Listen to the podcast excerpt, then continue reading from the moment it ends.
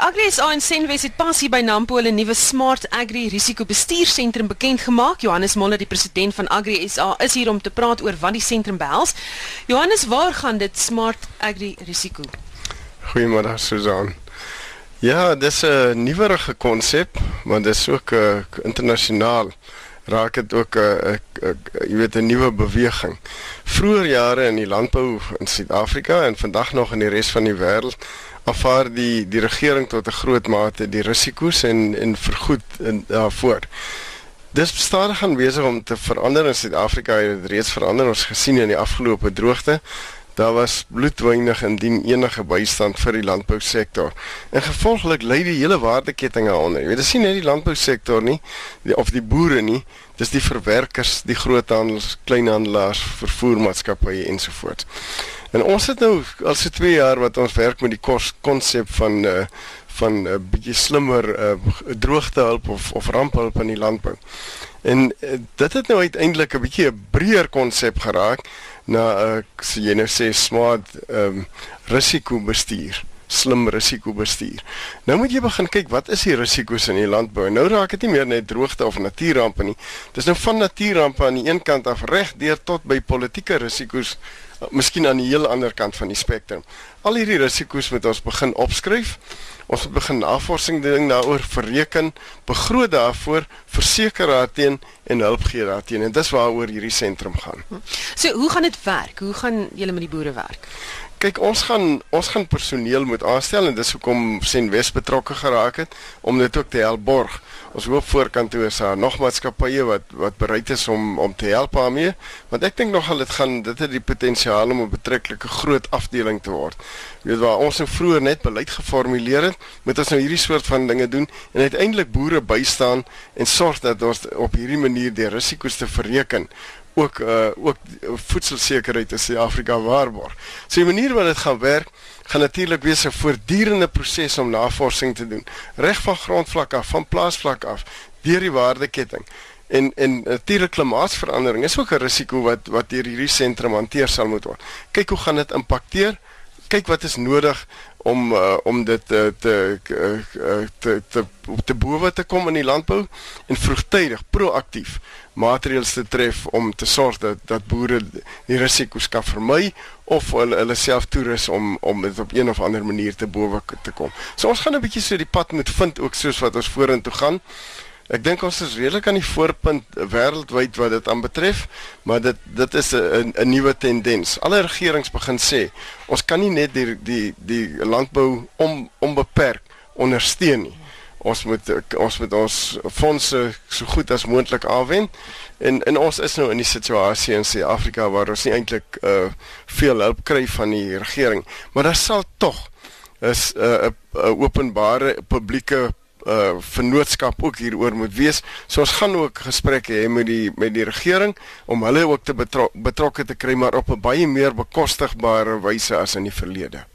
Daar sê gaan dit daar los. Dit was Johannes Moller president van Agri SA. Baie dankie. Jy kan nou weer die Nampo Park bestyg en kyk wat hier alles is. Ek sien jy's baie besig. Almal wil met jou ietsie gesels. So uh, baie dankie dat jy tyd gemaak het vir ons vanmiddag. Goed, nou gewoonlik as mens nou praat van toerisme dan dink jy aan wyntoere in die Wes-Kaap, safaris in die Kruger en dalk son en see in KwaZulu-Natal. Maar hier op Nampo begin mense van landbou toerisme praat en uh, hoe dit in 'n nuwe rigting of 'n nuwe rigting is wat die twee sektore kan ondersoek en bymekaar kan aansluit. By my is Jackie Taylor van AgriTourism. Jackie, how will this work, AgriTourism? Right, I grew up on a farm and I've been involved in agriculture. And this is Agritourism South Africa is for farmers. It is a website portal and they need to register on the website portal and tourists will then access that website portal and it goes directly through to the farmer. So the farmer controls what or when what he has to offer, when he can actually offer whatever it is, because maybe a farmer has a season. He's in season. He's packing apples and pears, and he can't have tourists on his farm. So it's really to help the farmer add value to what he's doing. So you won't have the big farmers involved in agritourism because they've got the money. to actually add value to whatever they're doing. The small and medium-sized farmers, they need to build brands, they need to make additional um, money, and that's where agritourism actually comes in. So it's an NPO that is structured towards farmers. Uh, yeah. But, but, if we speak about agritourism, mm. um, you know, do you go on a safari on the farm? What do you do? you can do many different things. It actually depends on the farmer. And really, the farmer will decide, or the tourist can ask the farmer what uh, opportunities there are on the farm.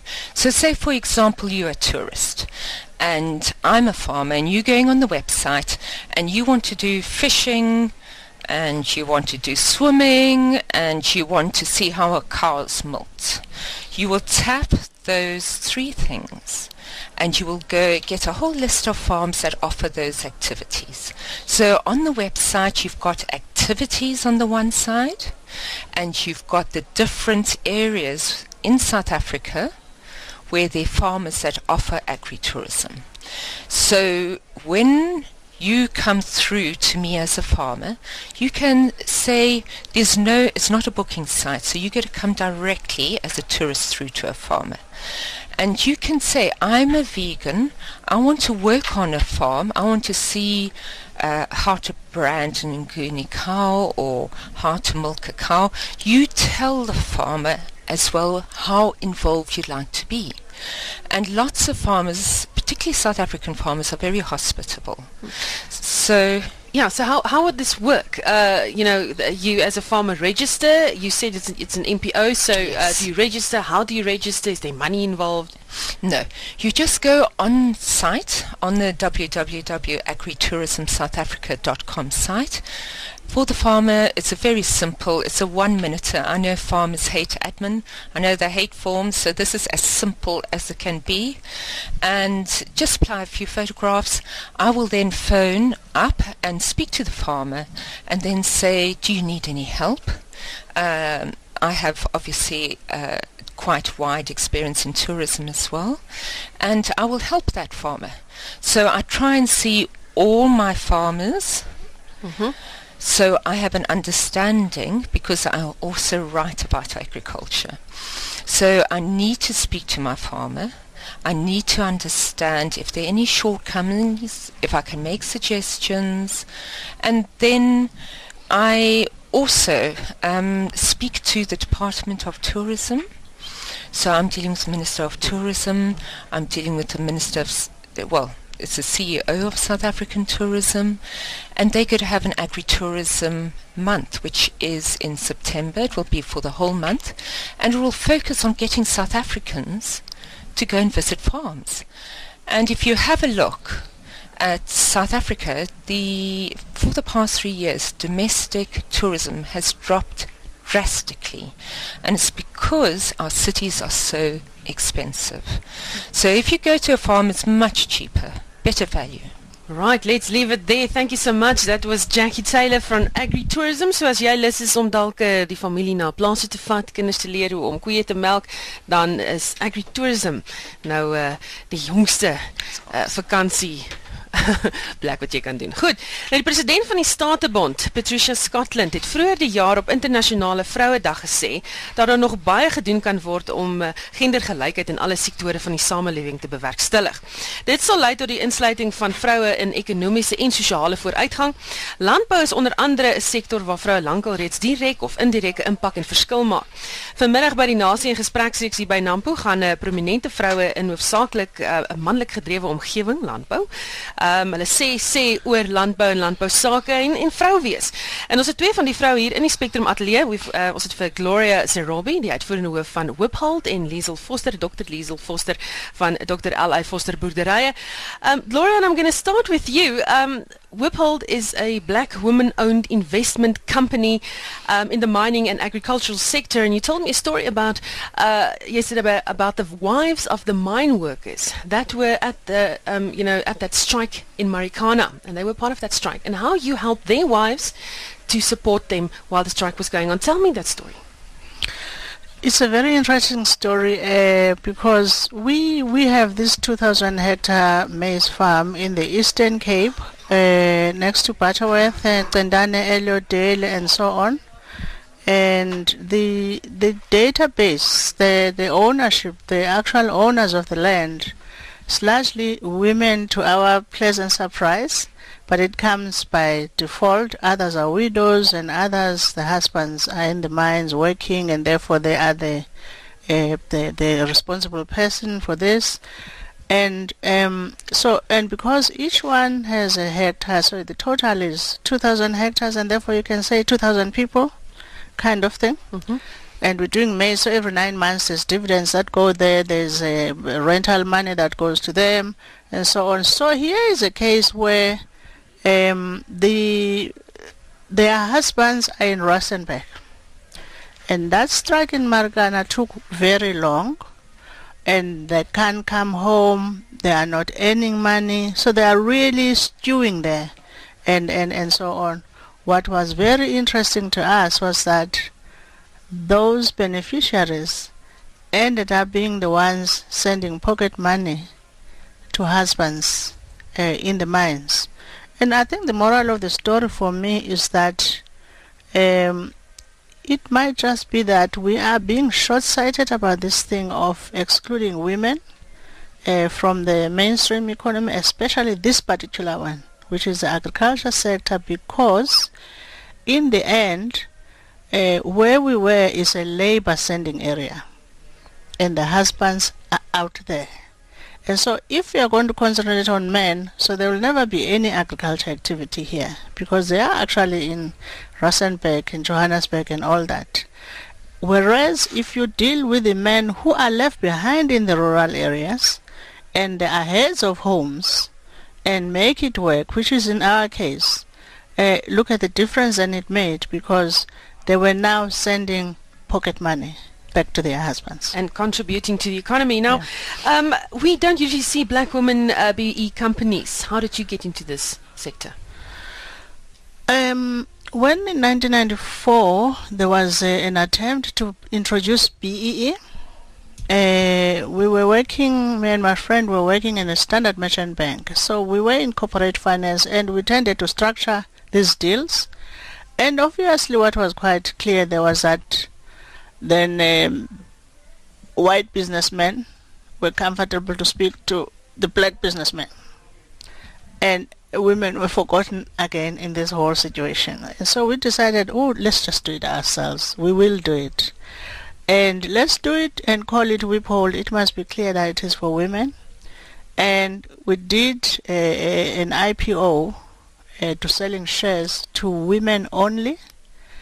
And it was in 1993-94. People were not quite aware of their constitutional right at that point. Nobody sued us for selling to women only. I think now we wouldn't get away with it. But we had the prospectus that actually said, please sign an affidavit that you are a woman when you buy these shares and go to the Commissioner of Oaths. The key thing for us was that can we have ownership of these things being women? And 18,000 women responded, became shareholders, 100 million rands down the line from women into this entity. That's how it started. And that was in 1993, 23 years now. Ja. Goed, um nog 'n sterk vrou in landbou is Dr. Liesel, Foster. Um boerdery, jy werk met uh, diere en dit is nie vir sissies nie. Ek het nou, nou net met jou gesels voor ons begin het. Um wat bly steeds vir jou uitdaging as 'n vrou in landbou? Susan, ek sou sê die grootste dui- uitdaging op die oomblik is die onstabiele politieke omgewing daar buite. Ehm um, die aanslag op eiendomsreg. Ehm um, dis regtig 'n groot probleem vir uh, mense om uit te brei. Uh, dit veroorsaak regtig 'n 'n kopseer. Um, ek sou sê dis seker maar inderdaad die plaasmoorde ook. Dit is maar 'n groot uitda- uitdaging en dis iets wat 'n mens nie kan wegloop van nie.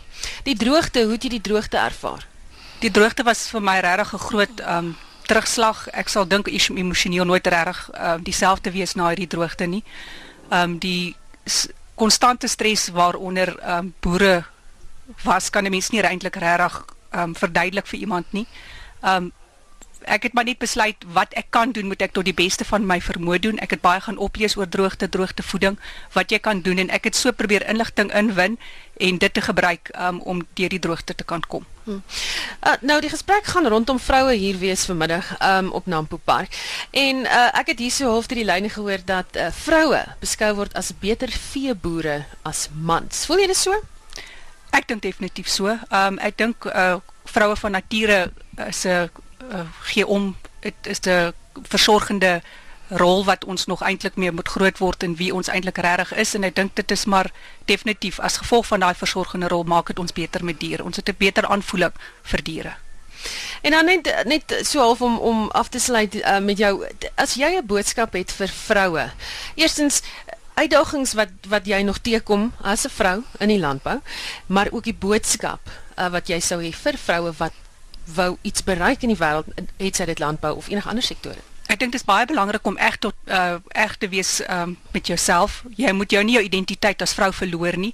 As jy dit gaan doen, gaan jy die respek van jou manlike kollegas verloor.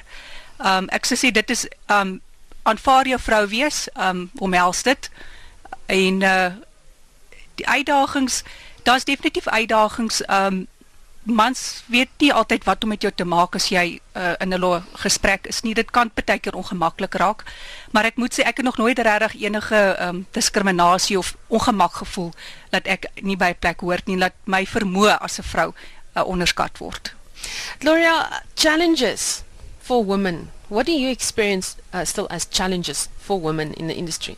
And if you have a message for women uh, who wants to do something, not just agriculture, what would it be? I think the challenges that I see uh, is is uh, I was talking to her just now that the, the, that old uh, system of, of concentrating on boys uh, in the industry it takes away the motivation from girls to be interested because it will go to my brother by the way and all that kind of thing. So we need to encourage fathers to look at daughters in that way. Uh, because I think in the absence of that, patriarchy continues and it is destructive. And it is across the board. When you go to rural areas, you find it exactly like that. And so the most poor man in the rural area with nothing, if he has to look down, he looks at his boy and and, and, and not the, the not the girls. We don't want to be rearranging things to such an extent, but we're just saying maybe it is a waste of resources not to build in uh, the usefulness and the energy of women into a sector especially like this. We are the end consumer. We decide who eats what in the house. And so there is a natural thing about us coming back and also be part of the production. We have some understanding of that and really we can add a value into the system.